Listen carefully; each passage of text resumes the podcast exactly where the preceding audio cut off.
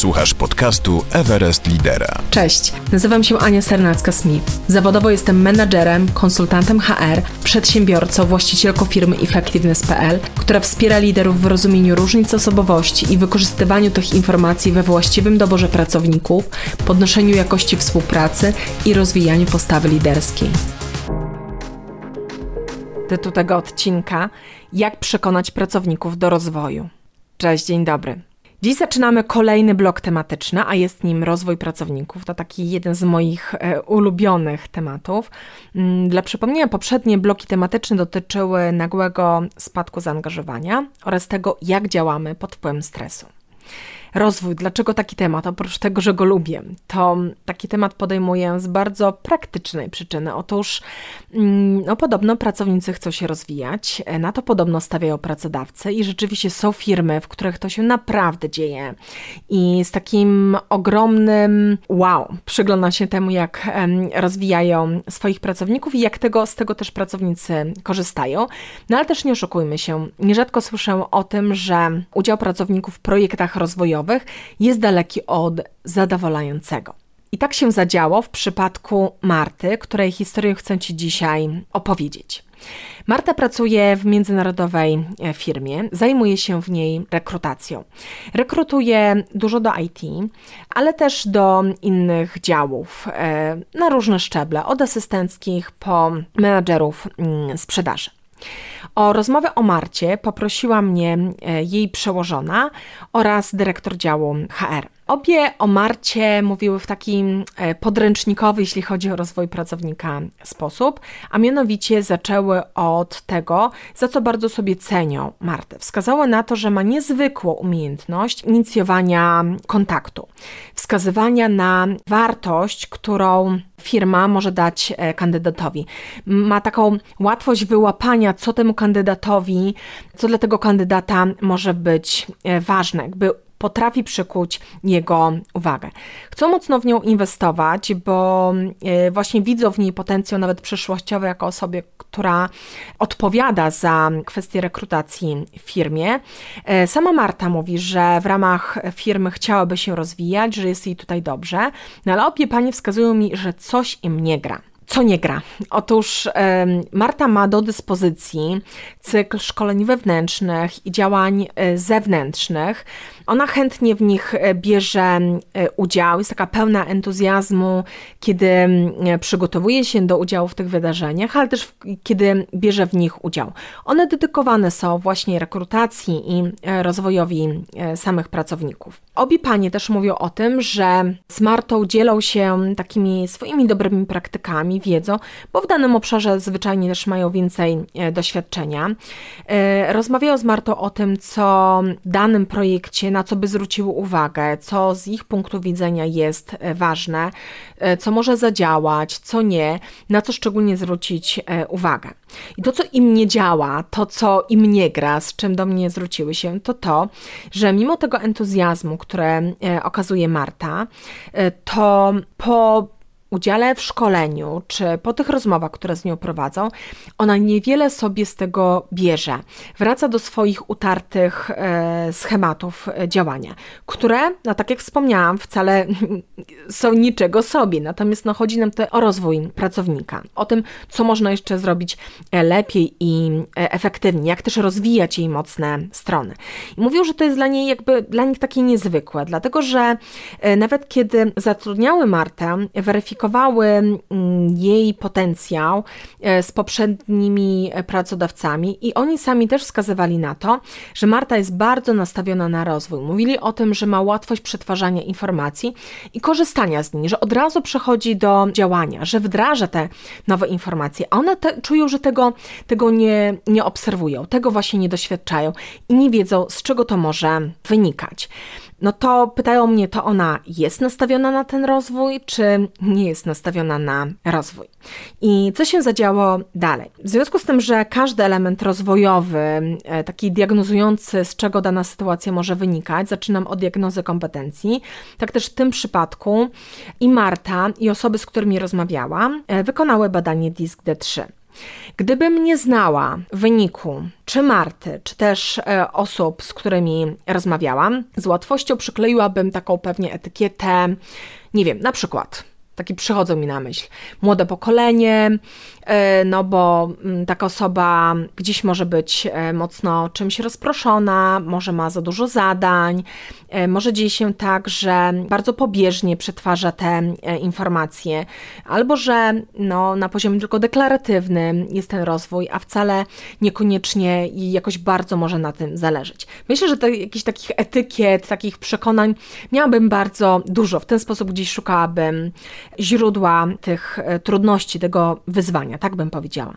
Dzięki temu, że znałam wynik DISD-3, to wiedziałam bardzo precyzyjnie, co się zadziało, skąd postrzeganie Marty w taki, a nie inny sposób. Otóż, kiedy porównaliśmy profil osobowościowy Marty z jej przełożoną, ale też z dyrektor HR, e, żeby jakby widzieć też, na czym zespołowi całemu zależy, co jest ważne też dla organizacji, no bo gdzieś już tutaj mam więcej niż jedną osobę jako przedstawiciela firmy, to co się okazało, że wszystkie trzy miały silne nastawienie na pozyskiwanie informacji, na zgłębianie tych informacji.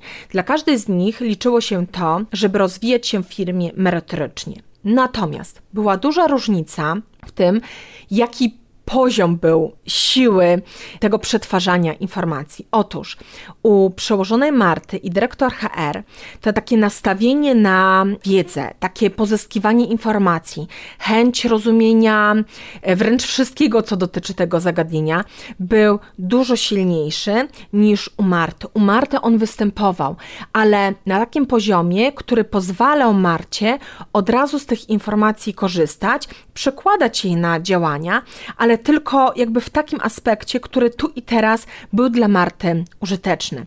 Natomiast jej przełożona i ta dyrektor HR, z którą rozmawiałam, one oczekiwały tego, bo same tak mają, że u Marty będzie wręcz taka no, chęć zgłębiania tego tematu nie tylko tu i teraz, kiedy z tych informacji będę korzystać, że ona bardzo mocno w ogóle będzie się też pasjonowała tym tematem. I w takich sytuacjach to, co, to, co się zadziało, no to właśnie rozdźwięk między tym, jak rozumiemy tę pasję poznawczą i to, że chcemy z nowych pozyskanych informacji i tutaj też umiejętności korzystać. Ani jedno, ani drugie podejście nie jest złym podejściem. Marty podejście też było dobrym podejściem, ale podejściem, które, e, którego oczekiwali jej choćby poprzedni pracodawcy, dlatego też bardzo pozytywnie o niej mówili. Natomiast w tej konkretnej organizacji po prostu poziom tego oczekiwany był dużo silniejszy niż ten, który Marta reprezentowała. No i co się zadziało dalej? Naturalnie, jakby na moje pytanie, czy rzeczywiście panie chcą rozwijać tego pracownika, odpowiedziały, że tak, no to szukamy rozwiązania, wiedząc, gdzie jest Marta. E, powiedziałam paniom też o tym, że Marta od tak z jakiejś, po jakiejś rozmowie, no nie będzie nagle miała takiej pasji poznawczej, jaką one będą miał, jako one naturalnie mają. No bo każdy ma swoje jakieś pasje, każdy ma swój jakiś taki, wiesz, wewnętrzny driver, który nas um, jakby napędza do działania, który odpowiada za poziom naszego też zaangażowania. Marta ma co innego niż one, więc one nie oczekujmy, że ten poziom tej pasji poznawczej i przekładania tego od razu na działanie będzie na takim poziomie, jaki jest u jej przełożonej i dyrektor Her. On jest na, u Marty na niższym poziomie. To, jak one mogą wspierać Martę, to jest to, żeby na początku danego projektu z Martą omawiały to, z jakich kompetencji warto, żeby w danym projekcie e, korzystała, z czego na przykład do tej pory korzystała, a jak z tych nowych może korzystać. Czyli one były zaskoczone trochę tym, że ja mówię, że to naprawdę to trzeba z pracownikiem przerabiać. No trzeba, jeśli pracownik nie ma tego na takim poziomie, na tak wysokim poziomie, jak ty masz, bo dla nich było naturalne to, że jak się czegoś nowego uczę, tak, o czymś się dowiaduję, to chcę z tego korzystać, szczególnie, że w firmie są możliwości ku temu. No i dobrze, natomiast one mają takie naturalnie podejście, natomiast ten pracownik potrzebuje większego poprowadzenia, przeprowadzenia przez to, jak te informacje przełożyć na praktykę, w których konkretnie miejscach w tym projekcie z tego skorzystać. Co możesz zrobić, żeby z tej nowej umiejętności w tym projekcie, żeby tę nową umiejętność zobaczyć, posmakować jej, nie? Yy, wdrożyć ją. Co może ci wyjść, co może nie wyjść. Jaką wartość e, też e, wniesiesz, e, czy, czy uzyskasz, kiedy z tej nowej na przykład kompetencji, umiejętności będziesz korzystać i tak dalej, i tak dalej.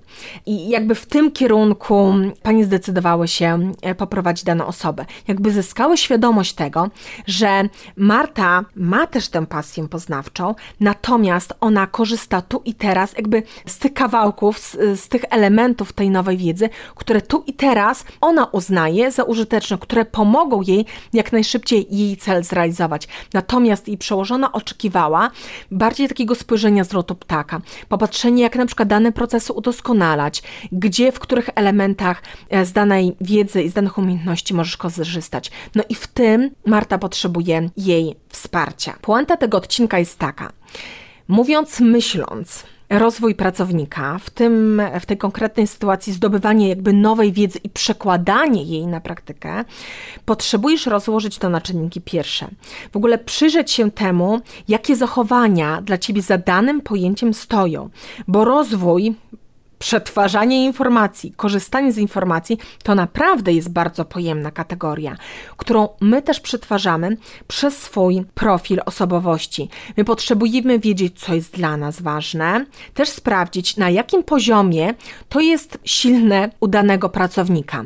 Czy rzeczywiście po pierwsze, od tego pracownika możemy tego oczekiwać, tak? Czy on, jak bardzo on jest dopasowany do danej roli. Jeśli jest dopasowany, no to jesteśmy w domu i możemy w tym wspierać danego pracownika. Jeśli nie jest dopasowany do danej roli, gdyby na przykład Marta zupełnie nie miała tej pasji poznawczej u siebie, no to pytanie, jak rozwijać Martę, ale nie w tym obszarze, w którym widzimy, że nie jest jej pasją i tak dalej, i tak dalej. Czyli mówiąc nawet rozwój, zobacz, e, on naprawdę będzie dla każdego oznaczał coś innego. I tutaj profil osobowości będzie miał ogromne znaczenie, czyli nawet tę kategorię rozwoju przekładamy na konkretne zachowania, sprawdzamy, czego ja oczekuję, jak to słyszą moi pracownicy, do czego mają naturalny potencjał, jakby naturalne preferencje, a w których obszarach potrzebujemy danego pracownika wspierać, żeby rzeczywiście on w danym obszarze mógł się rozwijać. I taką historię miałam na dziś dla Ciebie.